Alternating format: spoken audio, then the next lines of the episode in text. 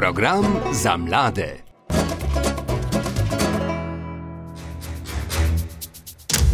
Gimnazijum, obvezna smer za mlade.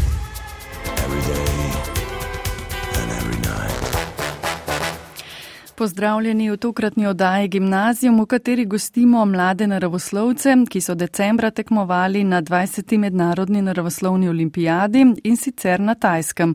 Več kot 300 mladih iz 54 držav je sodelovalo na tej olimpijadi znanja, naši predstavniki pa so se na njej odlično odrezali.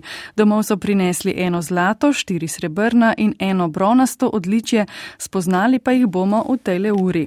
Prav tako tudi njihove mentorje vsaj nekatere, ki so jih spremljali na tajskem ali pa jim pomagali pri pripravah na to tekmovanje. To namreč zahteva veliko, veliko znanja. Za vse sta poskrbeli dve organizaciji in sicer Zveza za tehnično kulturo Slovenije in Društvo matematikov, fizikov in astronomov Slovenije.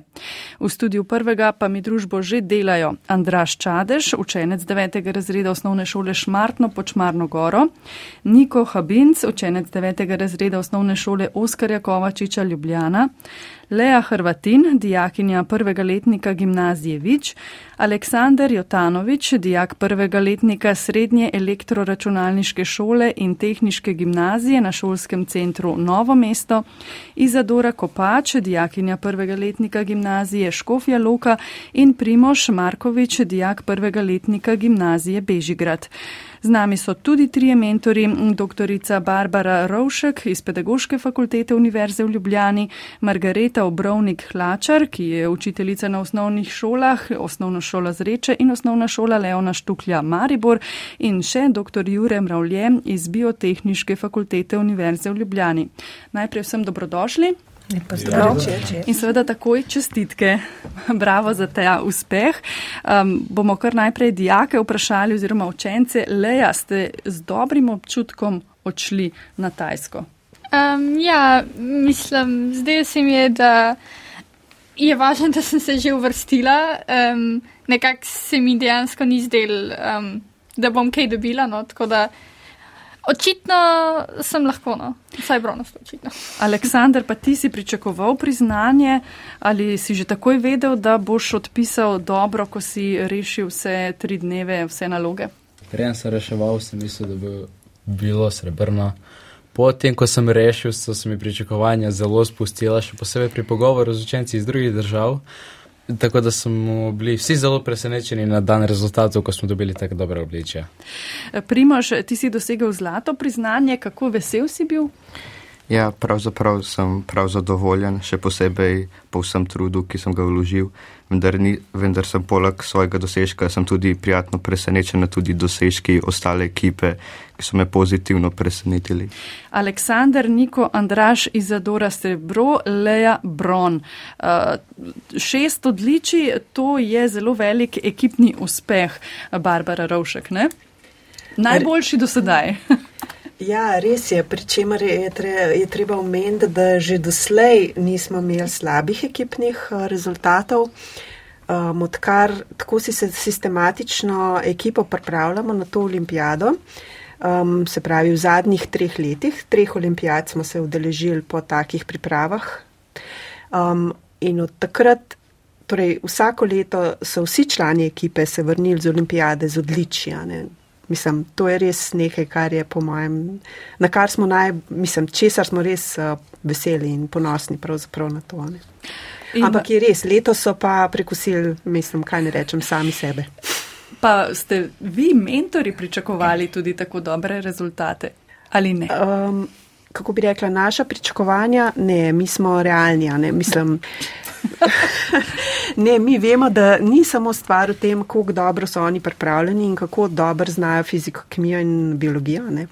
Ampak uh, moraš tukaj sigurno imeti tudi mal sreče, ne, da imaš dober dan, to ponavljam kar naprej. Vsak mu se lahko kdaj zalomi, se ne počuti dobro, ga boli trebuh, ne vem, je slabo spal, premalo spal ne vem, skratka, ima slab dan in ne gre, pa, pa, pa je lahko mogoče njegovo znanje najbolj obširno ne, od vseh udeležencev. Skratka, morajo biti na tisti dan sposobni res fokusa, koncentracije popolne, da pokažejo res maksimalno. Tako da v bistvu, ne, mi smo bili. Um, strašno veseli in pač teh uspehov, ne, ker nismo pa, mislim. Mislim, no, upam, to je da ne, dokaz upam, da tudi ne. vašega trdega dela ne, in uh, priznanja za vas, Margareta Obrovnik Šlačar. Najprej ste mentori veseli, ne? Ja, mentori mislim, da smo izredno, izredno veseli letošnjega dosežka. Um, to je v bistvu res naj, največji dosežek do zdaj.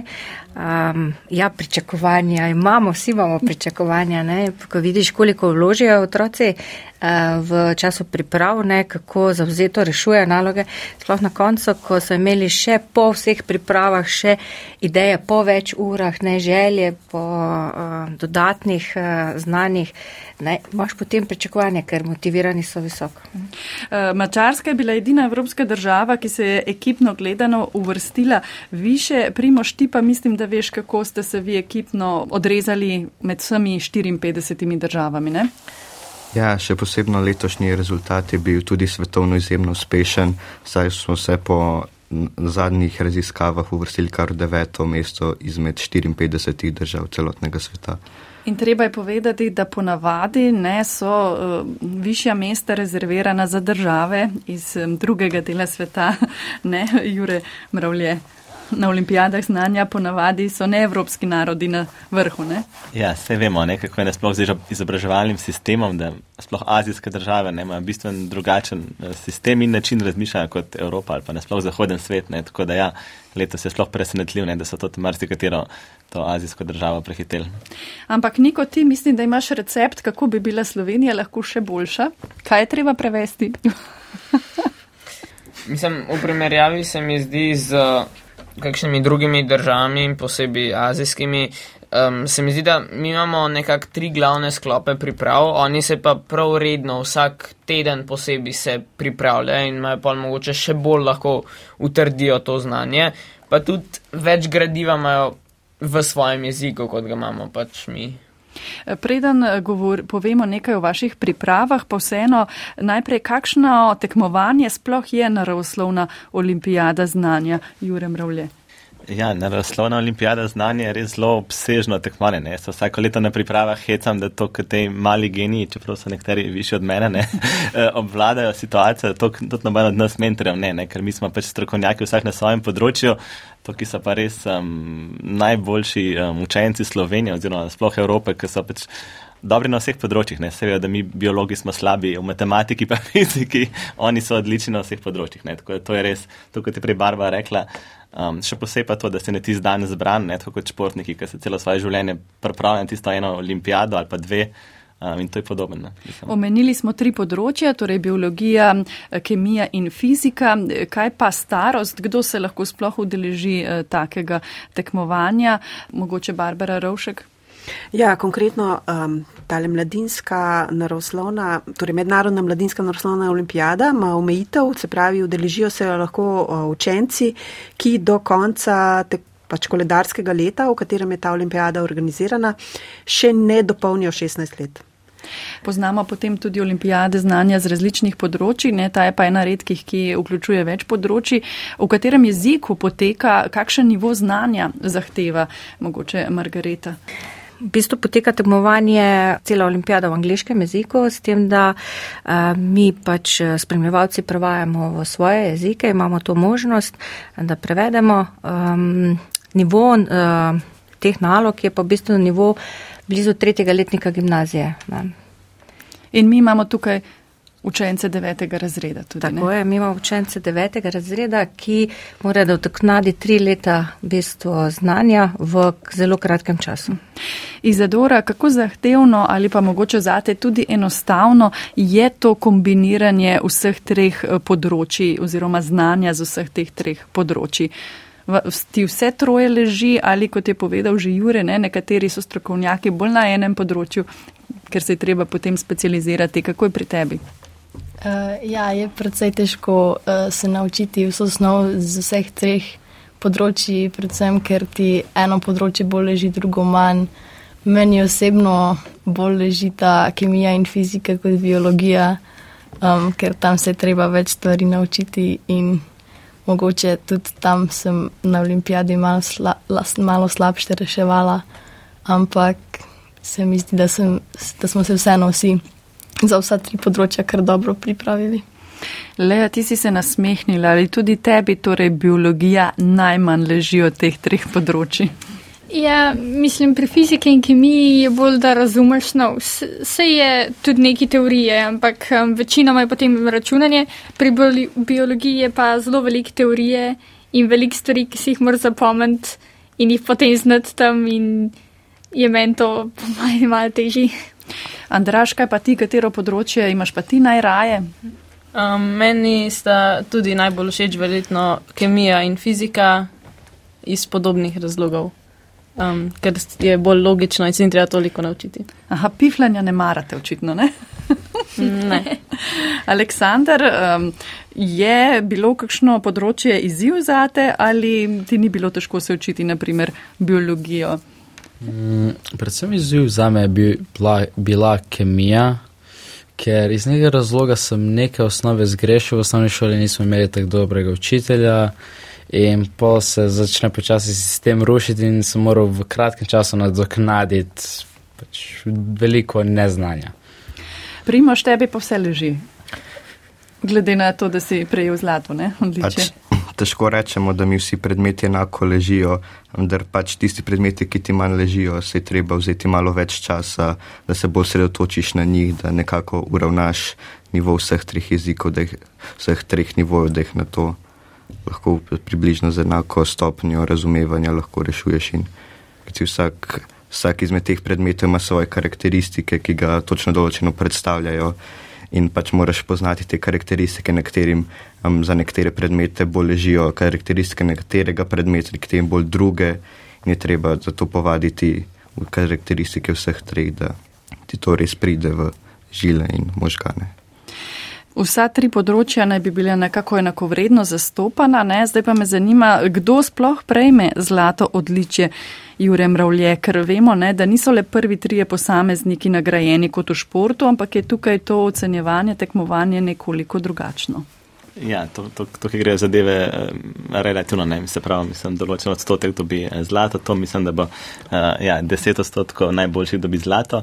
Uh, 10 odstotkov ja, potem, udeležencev. Ja, de, najboljših. 10 odstotkov vseh najboljših udeležencev, potem 20 odstotkov uh, srebrno in pa 30 odstotkov um, bronasto priznanje. Aleksandar, kako pa potem poteka samo tekmovanje? Ne vemo, več dni ste bili na Tajskem, ampak najbrž niste reševali naloge prav vsak dan. Torej, kako poteka? Uh, najprej smo imeli nekaj dni prostega pa učenja. Uh, potem prvo tekmovanje je bilo tekmovanje pač v bolj smislu obkroževanja, več smo imeli zbir in potem se obkroža. Uh, traje tri ure test, vmes imamo en dan prost, uh, imamo bolj v smislu kakšne ekskurzije. Uh, na to pišem, smo pisali, en, pač naslednji dan smo pisali teorijo, to so bolj v smislu besedilnih nalog, in potem spet dan prosto, in zadnji dan si je pač eh, bilo eksperimentalno delo. Mhm, kaj pa ste dobili za eksperimentalno delo? A je lahko mogoče kdo od vas se spomni kakšne naloge, ali je to iz zadnjega dneva, ali pa mogoče tudi odprej? Torej, za eksperimentalno delo smo dobili eno nalogo iz kemije, eno iz biologije, eno iz fizike. Uh, iz biologije smo imeli predvsem narediti preparat in gledanje pod mikroskopom, smo morali malo prepoznavati celice in strukture v rastlinah. Uh, za fiziko je bila glavna absorpcija svetlobe v različno koncentriranih uh, tekočinah in povezava z napetostjo ter tokom ter v, pri kemiji smo pa imeli tudi z absorpcijo, bilo, ampak je bilo tam treba pripraviti te uh, tekočine. Uh, delo je pa pač potekalo v skupinah. Smo, uh, imeli, Samo ta tretji dan. Da, smo imeli dve ekipe po tri in se nam je en skupni rezultat zapisal vsem trem. Uh -huh. In s kom si bil ti v ekipi? Uh, v ekipi sem bil z Leo pa Andražem. Uh -huh. Vi trije ste bili pa v drugi potem. Um, Niko, zanima me pri teh izbirnih eh, tipih, torej mislim, da je bilo to um, prvi dan, da so bile A, B, C, D, ne vem koliko možnosti so bile take, da so bile zafrknjene možnosti, kar pomeni, da sta bile dva zelo podobna odgovora, pa je bil samo en pravilen ali je bilo tako, da si z levo roko lahko to reševal? pri biologiji mogoče so se mi nekatere ABCD zdela težja. Um, pri fiziki in kemiji bi lahko rekli, da je bil tisti, teori, tisti del z besedilnimi nalogami, teorija, um, drugi test, da je bil pravzaprav težji, zaradi tega, ker um, če imaš ABCD, lahko vse na koncu na nek način preveriš svoj rezultat, nisi, da nisi dobil nečesa čisto drugačnega. Um, tako da mogoče je v tem pogledu lažji. Je pa res, da tudi naloge za ta multiple choice question niso, niso lahke, še vedno ni tako, da bi lahko izločil vse odgovore kar takoj, pa potem ti ostane tisti ta pravi, ampak vedno ostaneš tam za ene dvema odgovoroma, pa je potem potrebno med tistima dvema izbrati pravi. Ali ste eh, vsak dan po reševanju se potem zbrali skupaj in se pogovarjali o tem, kaj komu prišlo, kaj je kdo kje obkrožil, pa kaj takega je? Poteka potem razprava o tem, ali ste pravilno rešili vse oziroma prišli do podobnih um, zaključkov, Primož? Um, ja, mi kot Slovenci v, v Sloveniji smo naredili takšen pakt, um, ki je določeval, da nihče ne bo pisnil niti besedice o tem, kar smo reševali in je bil narejen z namenom, da bi v teoriji zmanjšali tres, stres, kar po mojem je kar delovalo, sicer nismo morali preveriti, kako bilo v drugačnem. No, v bistvu nekako smo lahko, ker malo, odgo, malo izmenjavanja ideje do malega izmenjavanja ideje le prišlo in smo videli, da ni pozitivno vplivali na našo občutje, tako da smo se odločili, da je bolje, da molčimo do konca. Torej, ko pišete, pišete, potem se pa zabavate. Ja. Oziroma, ne govorite o tem. Drži. A, Niko? Um, jaz bi samo še dodal, da je bilo nekaj govora o takem paktu že na letališču na poti na Tajsko, pa se potem po prvem testu ni čisto resničil, pa smo potem iz tega vsi ugotovili, da mm, smo naredili kakšne napake, ki jih obžalujemo. In je bolje, uh, da se ne pogovarjamo. In pa smo se res odločili, da. Ne bomo več govorili o tem. Izadora, drugi dan tekmovanja je tak, da morate zapisovati ne, neke stvari. V katerem jeziku? Ja, sej glede na to, da je naravoslovna olimpijada, smo večinoma pisali enačbe uh mhm. -huh. in pač matematični jezik je za vse enak, tako da ni bilo kakšnih težav. Tam, kjer je bilo pa treba z besedo, tam, kjer je bilo pa treba z besedo napisati, pa pisali, pač, da če znamo naj v angleščini, če ne pa lahko tudi v slovenščini, pa se bo pol uh, prevedel. Aha, uh, Margareta, ste vi potem to prevajali, če je bilo treba? Je tukaj lahko pride pa do kakšnih, um, kakšnega popuščanja ali pa gledanja skozi prste? Ja, v bistvu to poteka na tak način. Uh, mi, uh, vsi mentori, ne, ki smo tam prisotni, um, smo seznanjeni v bistvu z nalogami. Uh, poteka moderacija teh nalog, uh, dokler se vse države pač ne strinjajo z. Uh, z končno verzijo nekega besedila, neke naloge in rešitev, eh, do takrat ne moreš začeti prevajati v svoj jezik. Ne? In med tem časom pač vsaka država poskuša, glede na to, kako mi podajamo snov v svoji državi, pač tudi poskušamo uvesti notri kakšne oznake ne? in v bistvu pač eh, poskušamo doseči stvari. Um, zdaj, posebej namigovati, eh, drugače prevajati ne smemo, ne? zato ker v bistvu to poteka prevajanje v elektronski obliki, eh, nas bi lahko ti um, organizatorji preverijo ne? in potem lahko pride do diskvalifikacije. Tako da se potrudimo čim bolj razumljivo prevesti, se pa lahko zgodi tudi napaka. Ne? Mislim, leta se nam ni zgodila, ker so naloge bile zelo dobro narejene in nismo rabili tako dolgo moderirati in smo bili dosti počiti tudi. Um, Se nam je pa prvo leto, smo pa naredili nekaj malega. um, Barbara Rovšek, ali eh, bi lahko rekli, tako zelo taka povšalna splošna ocena, da gre slovenskim mladim kakšen tip eh, tega tekmovanja boljše kot drugi? Da so boljši pri zbirnih vprašanjih, da so boljši, ko gre za eksperimente, oziroma to, ali je zelo odvisno leta od leta od ekipe, od samih nalog, ki jih dobijo. Če lahko zdaj se navežem mogoče na moje izkušnje še z neke druge olimpijade, kjer sem tudi uh, dolgo vrsto let sodelovala kot vodja ekipe, to je fizikalna. Mednarodna olimpijada, to je za starejše, torej dijake. No in ta olimpijada ima tudi eksperimentalni del in recimo, mislim, kar, kar v bistvu smo res opazili, da so se praviloma naši dijaki pri eksperimentih v povprečju dobro odrezali, se pravi boljše kot pri teoretičnih nalogah, kar je po mojem odraz tega, da še vedno se v šolah nekaj tudi eksperimentalno dela, ne? vsaj pač v gimnazijah. Ne? Zdaj, kar se tiče um, tele nar mladinske naroslovne olimpijade, tole so le pač osnovnošolci in uh, v bistvu je tako, da um, kaj se v šolah eksperimentalno dela, na nekaterih se, na nekaterih pa tudi čist načane. Tako da mislim, zdaj uh, to nekaj skušamo izravnati v zadnjem tednu priprav, kjer pripravimo tudi nekaj eksperimentalnih vajne, ampak um, Ja, na koncu ne bi mogla reči, no, da, da kakšen tip nalog bolj ustreza. Mislim, tudi uh, mislim, posamezniki so različni. Ne, jaz mislim, da nekaterim na enemu lahko eksperimentalna naloga bolj pa še drugmu teoretična in da zdaj tle ni pravila, da bi nek uh, pavšalno oceno rekli, da slovenskim učencem pa, pa še bolj. Leja, tebi kaj je bolj pasalo, kater tip um, reševanja, kater tip nalog ali pa kaj je bil večji izziv? Um, mi v šoli nismo delali veliko eksperimentalnih vaj, tako da mi je bila teorija bolj všeč. Um, že na državnem iz fizike sem zelo zafrknila eksperiment, tako da po moje, da tukaj tudi, sorry, no. Ampak ja, jaz bi izbrala teorijo. Leja, kaj pa ta razlika? Ne? V prvih dveh dneh si sam, rešuješ sam pri sebi, potem tretji dan ste bili pa v ekipi. Kakšno je to razlika? Najbrž je občutek nekoliko drugačen ali pa sistem dela tudi, ne? Je kar boljš. Mislim, lahko vprašaš tako drugega, če česa ne veš. Meni se zdi boljš, da tako veš, da je lahko, ko ga vprašaš, tudi če mogoče ne pomaga na koncu, ampak ne vem, zdi se mi. Sicer, da pri teoriji bi mogoče to prišlo bolj prav, ne? zato tudi tega ne dajo. da, ja. Niko? Um, to eksperimentalno delo so pač tri naloge in smo se načeloma že prej dogovorili, kdo bo kaj delal. Mhm, ste vedeli, kdo bo v ekipi skupaj?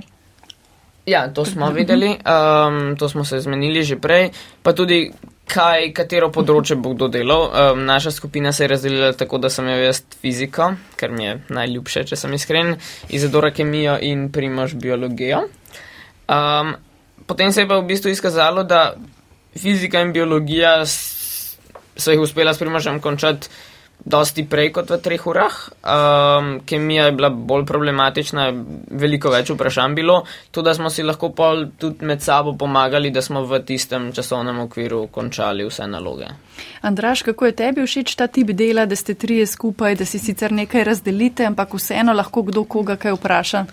Ja, meni je še kar všeč, da najprej vsak, kot smo se razdelili, naredi svoj del, potem pa še skupaj dokončamo tisti del, ki je najdaljši ali najtežji. Tudi kemija, misliš, da je bila najtežji del?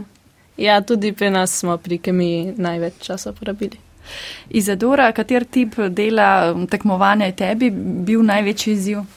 Tudi meni je bil največji izziv uh, eksperimentalni del, še posebej, ker smo dobili neke pripomočke, ki niso bili taki, kot smo mi z njimi uh, vadili. Tiste pipete, ki smo jih imeli, so bile kar drugačne od tistih, ki smo jih uh, imeli v Sloveniji in smo z njimi vadili. Tako da je bilo kar problematično spipetirati tiste raztopine, ampak na koncu se je v redu razšlo. Aleksandr? Eni smo se malo bolj znašli, ko smo pipetirali na usta. Aha, mislim, da hoče. Ti si se znašel, niko pa odkimava. Kaj to pomeni, niko, da odkimavaš? um, pipetiranje na usta se mi zdi ravno najbolj um, znanstvenen in zdravju prijazen pristop. Aleksandr, ti si pa prišel do rezultata, ne? kljub vsemu največ. Uh, ne, ker ne? sem improvizirati sem začel malo prepozno, pa je bilo, veli, pa je bilo treba dosti čakati, pa so bile misku, mislim. Torej, tri ure je kar premalo za tak tip vprašanj. Morali bi biti veliko bolj organizirani, bi pomagalo, če bi imeli mogoče malo več eksperimentov, še posebej skup, skupinskih eksperimentov, da bi se znali bolje organizirati. Primoš, kako ti gledaš na to tri urno časovno obdobje, v katerem morate vse rešiti, se pravi, v kateri koli daljne, je to dovolj ali ne? Ja, čisto odvisno je, kako si zastaviš naloge, ker zaenkrat se je vedno najbolje izkazal način, da pogledaš nalogo in če se ti zdi smiselno, jo rešiš, če ne skočiš naprej in po takem pristopu v glavnem, kolikor smo se pogovarjamo, se da v kakšnih morda dveh urah ali pa v uri pa pol rešiti, na to pa se preostalo uro ali uro pa pol še obadaš z zagonetkami, ki so ti preostale, ki so ti mogoče v tem času posvetile. Ampak vseeno, Aleksandr je pregovoril o eksperimentiranju. Ne? A si tudi potem ti na teoretičnem delu, kjer nisi vedel ali A, B, C, D ali ne, koliko odgovorov je bilo, potem šel na amban na koncu? Izkazalo se, da mi je šlo zelo dobro, imel sem zelo veliko sreče. Stvar je v tem, da ni ta, takšne izgube točk pri primeru napačnega odgovora in ker se vedno da enega ali dva odgovora tako izločiti, uh, se tudi matematično splača ugibati. Uh -huh. no, ja, to je, moram se oglasiti, ja. informirano ugibanje. Ja, ja, seveda, seveda. Um, zdaj pa izvemo, uh, moramo povedati več o samih pripravah in sploh o tem, kako ste se uvrstili v to ekipo, ki je odšla na Tajsko, ampak najprej si bomo privoščili eno glasbo.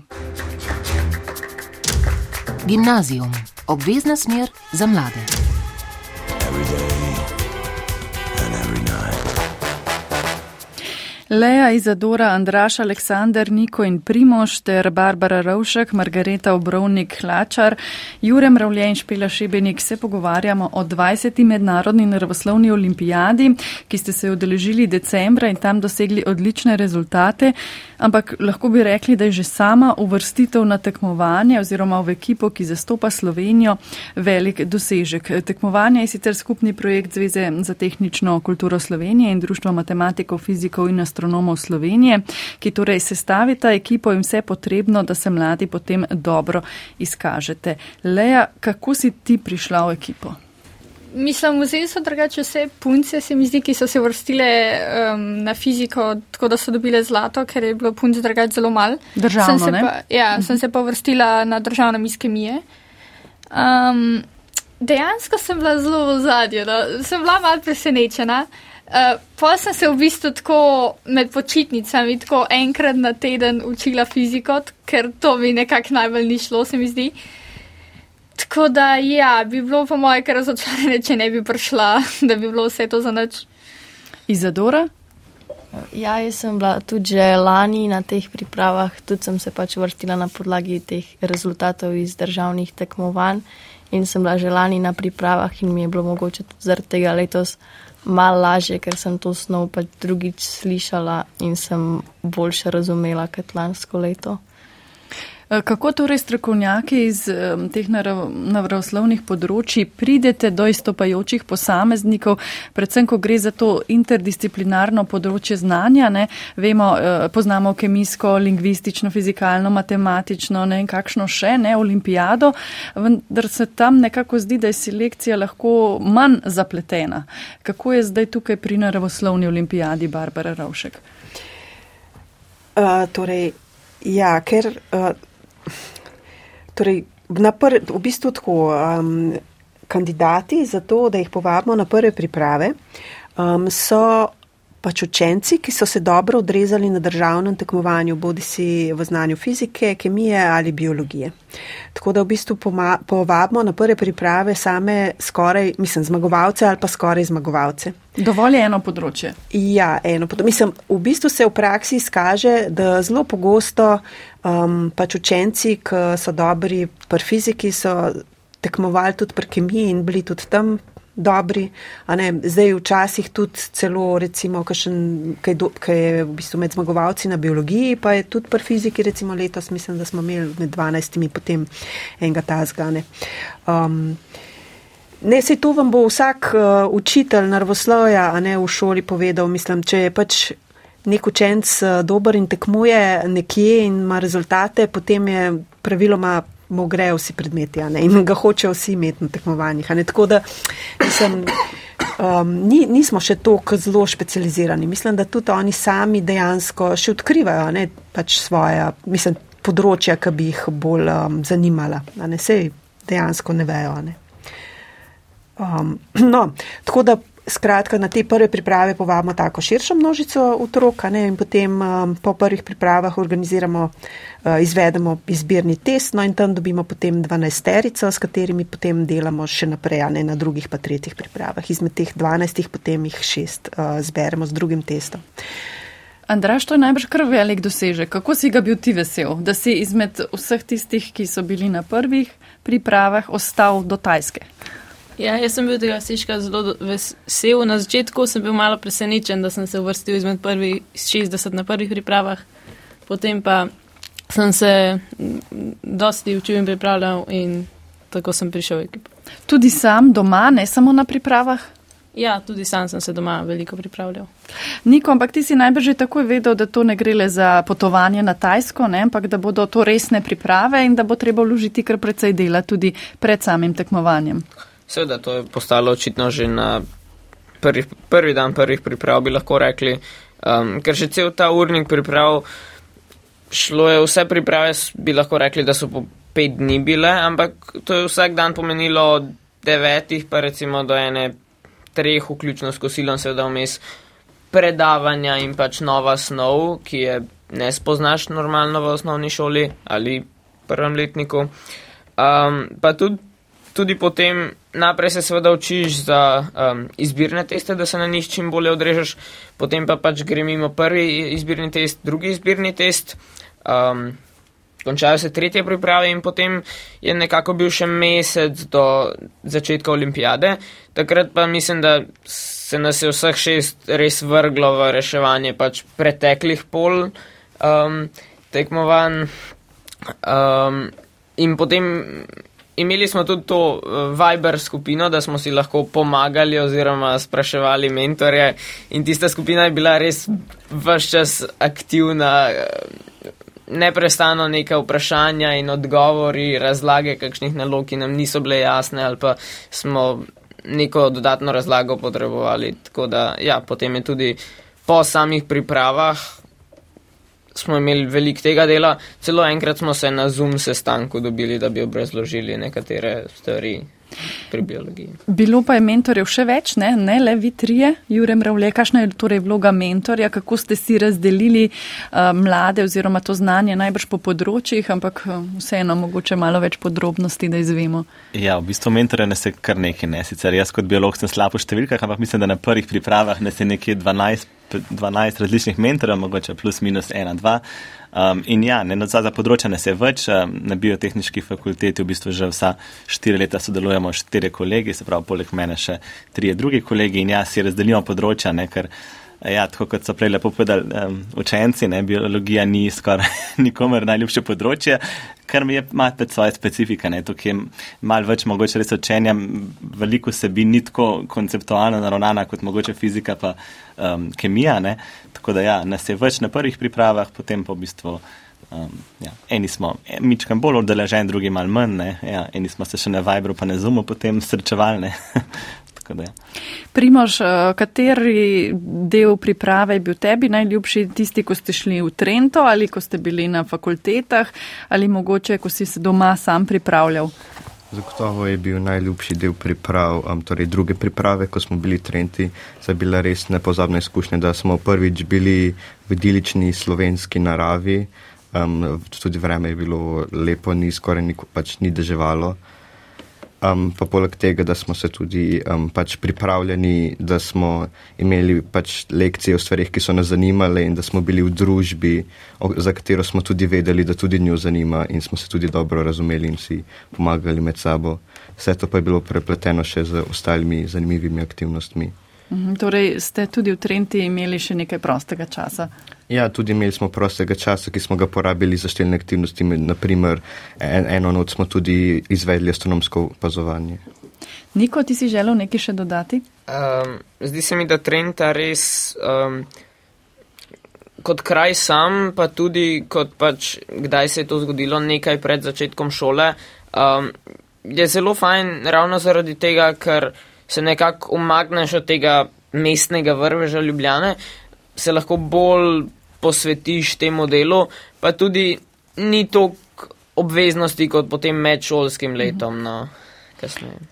Eh, Margareta Obrovnik Hlačar, glede na to, da imamo tukaj vseeno nekoliko različno stare tekmovalce ne, oziroma dijake, ali so priprave tudi malo individualno zastavljene, da eh, nekdo rešuje več nalog z področja, ki mu ni blizu ali pa eh, kjer je mogoče manj dober kot na drugih, ali so priprave za vse enake?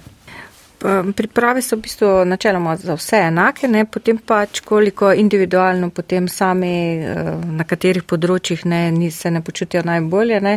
pač iz tega področja naredijo več nalog oziroma poiščajo mentorja, ki jim obrazloži določeno snov.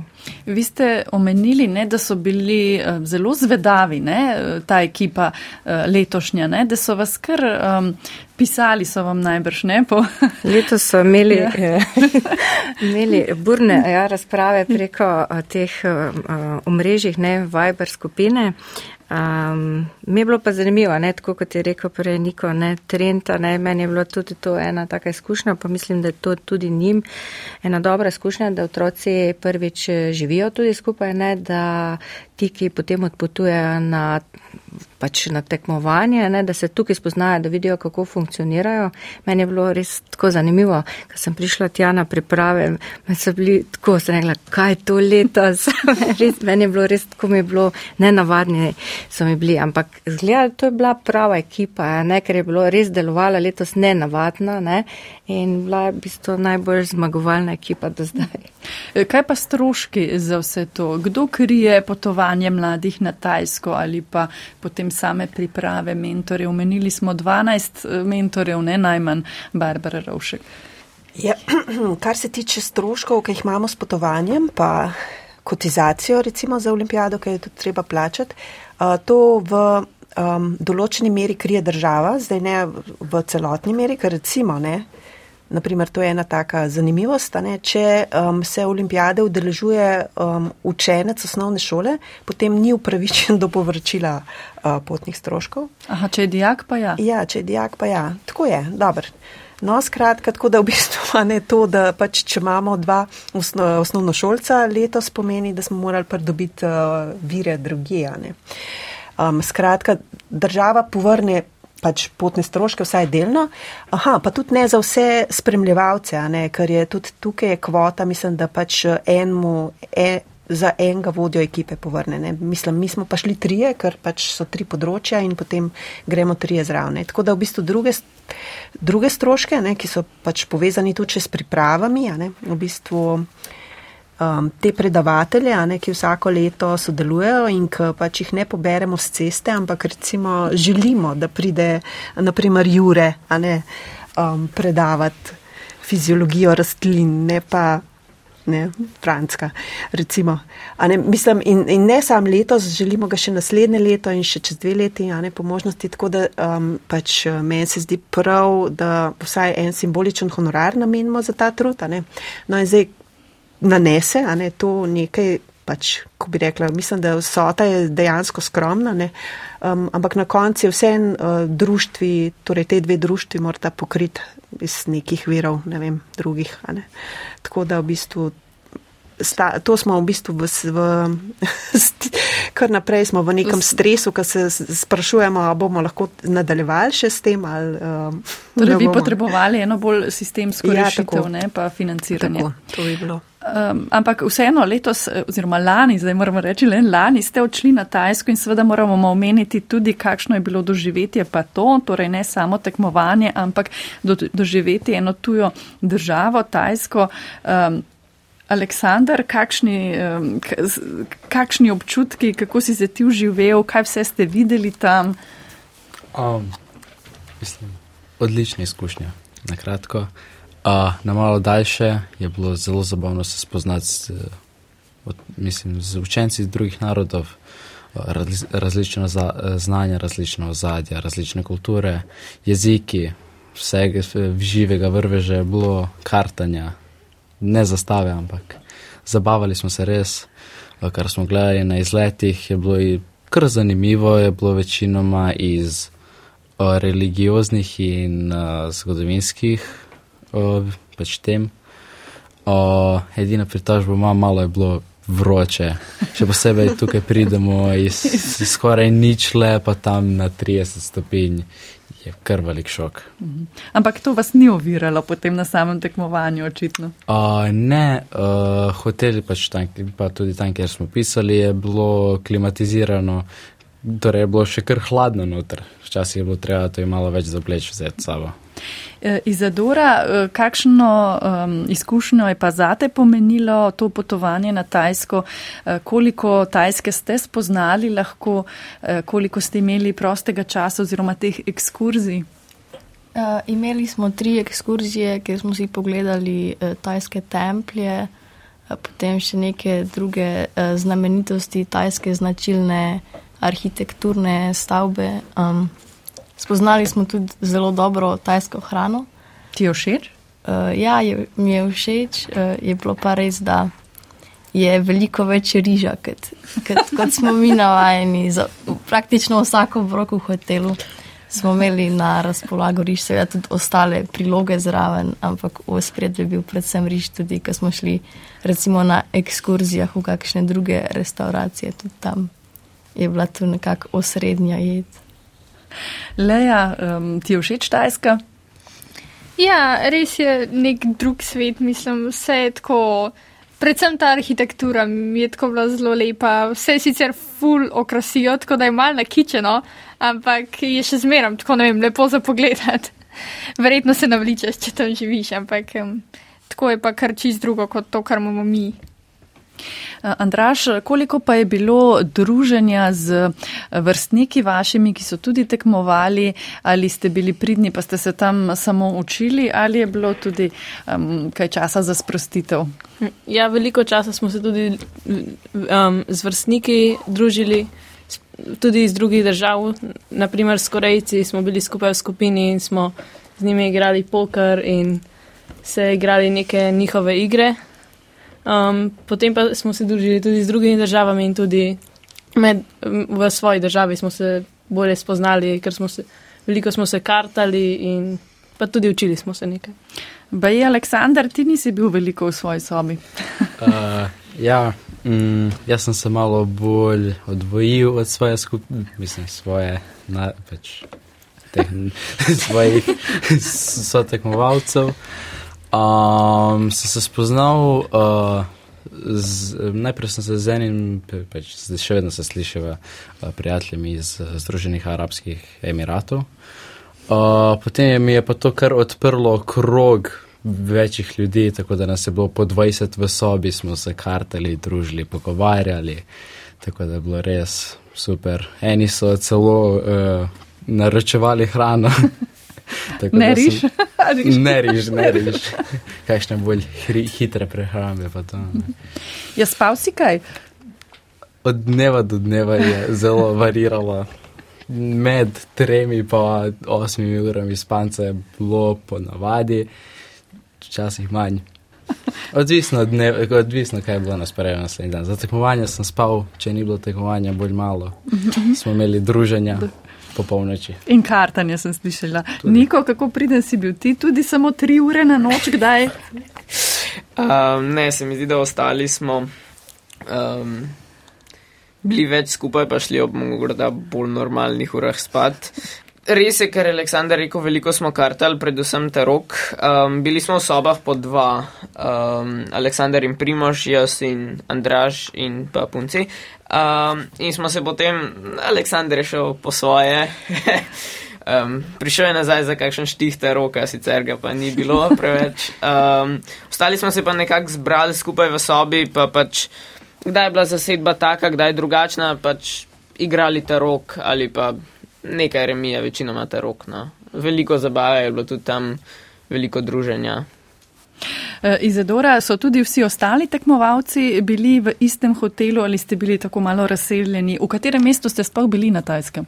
V Bangkoku, v glavnem mestu. No, ker to je veliko mesto, ne? Ste ja. bili vsi na isti lokaciji, da je bilo potem prehajanje med sobami lažje ali ste bili na več različnih uh, mestih?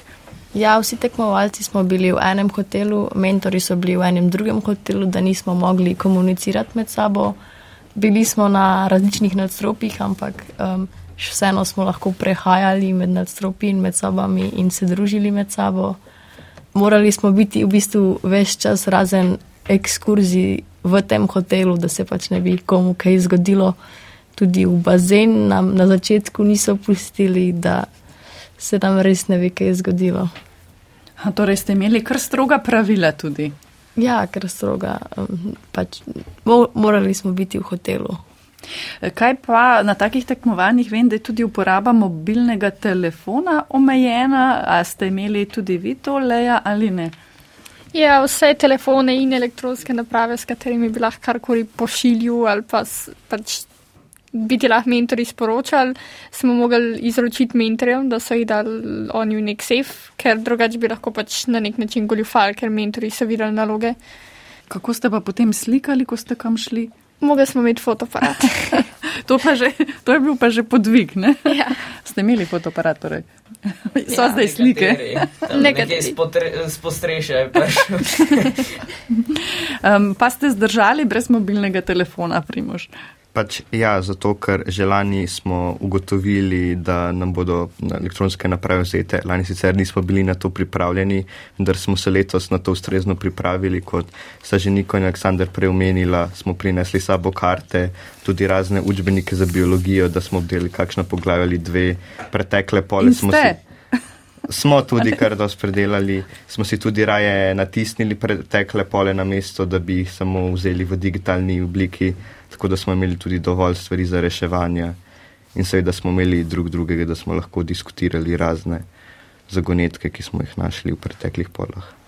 Niko? Um, to je mogoče tudi vredno omeniti, da Primož je bil že lansko leto se udeležil. Sem zdaj le nekako. olimpijade. Si imel prednost potem, Primož? A neko, se zdi, zdi, da je imel zdi, zdi prednost? se mi, da nam pa je tudi vsem skupaj do neke mere to pomagalo, ker je Primož približno že vedel, na kakšen način to poteka. No. Um, tako da ja, hvala Primožu. Mislim, prednost ali pa tudi, uh, mislim, ni nujno, je lahko tudi uh, velika coklane, ker Mhm. uh -huh. lahko čutiš veliko breme, ker uh, slučajno je bil Primo Želani zelo dober. Ne, Drži. Torej, uh, lani. ne slučajno.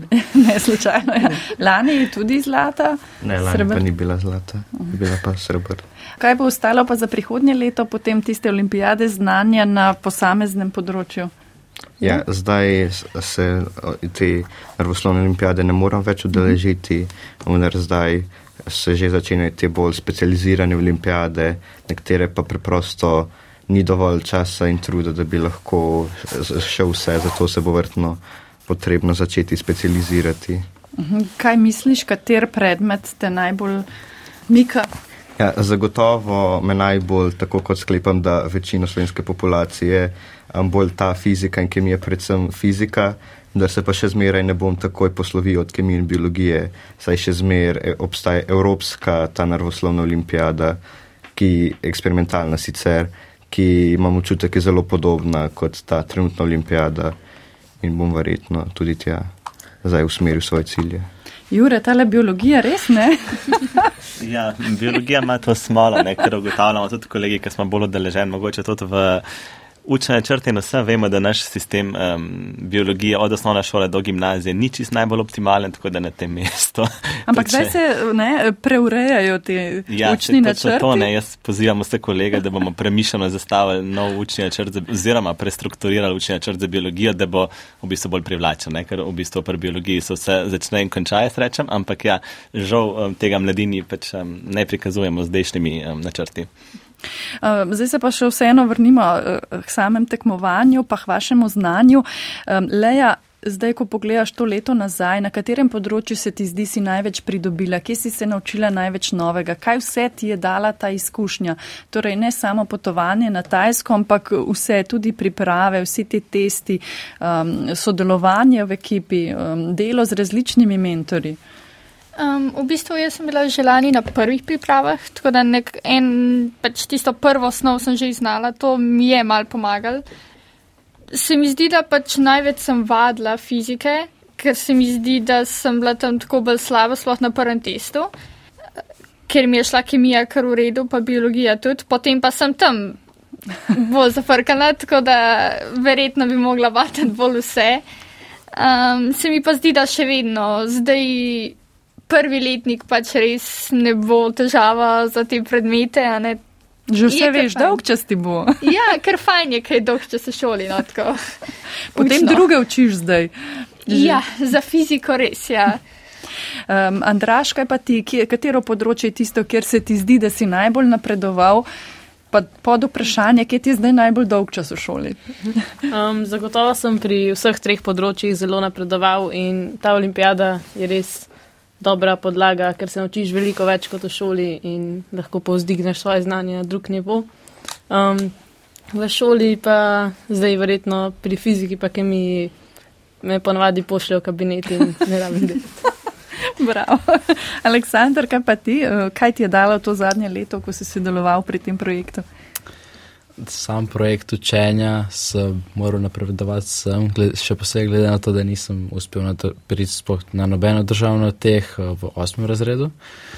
Um, tako da sem res dobro polovo, koliko tuko, razen malo kemija je šla. Uh, pa še ena stvar bi rad, malo bi rad samo pohvalil te družbe. Pač, razvil se na družbenosti, ful, še posebej tam, ko smo bili. Smo se ful družili s špansko govorečimi narodi. To so bili Španci, Kolumbici, pa Kostaričani, nekaj bilo to i Brazilcev, pa iz Združenih Arabskih Emiratov, ter Slovaki so bili tudi do nas zelo prijazni. V skupini smo pa bili tudi uh, s Korejci, s katerimi so se bolj posebej družili. Torej, ne samo znanje, tudi um, ta družabeni del, ki ja, vas dela bolj socializacija, samostojnost, tudi najbrž ja. tekmova, mislim, tekmovanje vseeno v eni tuji državi in ne je treba biti tudi, um, ne smete imeti domotožja in podobne stvari. Uh, tako najlepša hvala vsem, da ste se udeležili uh, in obiskali Radio Slovenija. Leja Hrvatin, Izadora Kopač, Andraš Čadež, Niko Habinc, Aleksandar Jotanovič, Primoš Markovič, dr. Barbara Rovšek, Margareta Obrovnik Hlačar in dr. Jurij. Jure Mravlje so bili naši gostje, z njimi sem se pogovarjala. Špela Šebenik za to ne poskrbela, Mirta Berlan. Um, mladim seveda želimo še veliko uspeha na njihovih poteh in na prihodnih olimpijadah znanja, vsem poslušalkam in poslušalcem pa seveda prijeten večer še naprej. Adijo, hvala. Adijo. Gimnazijum, obvezna smer za mlade.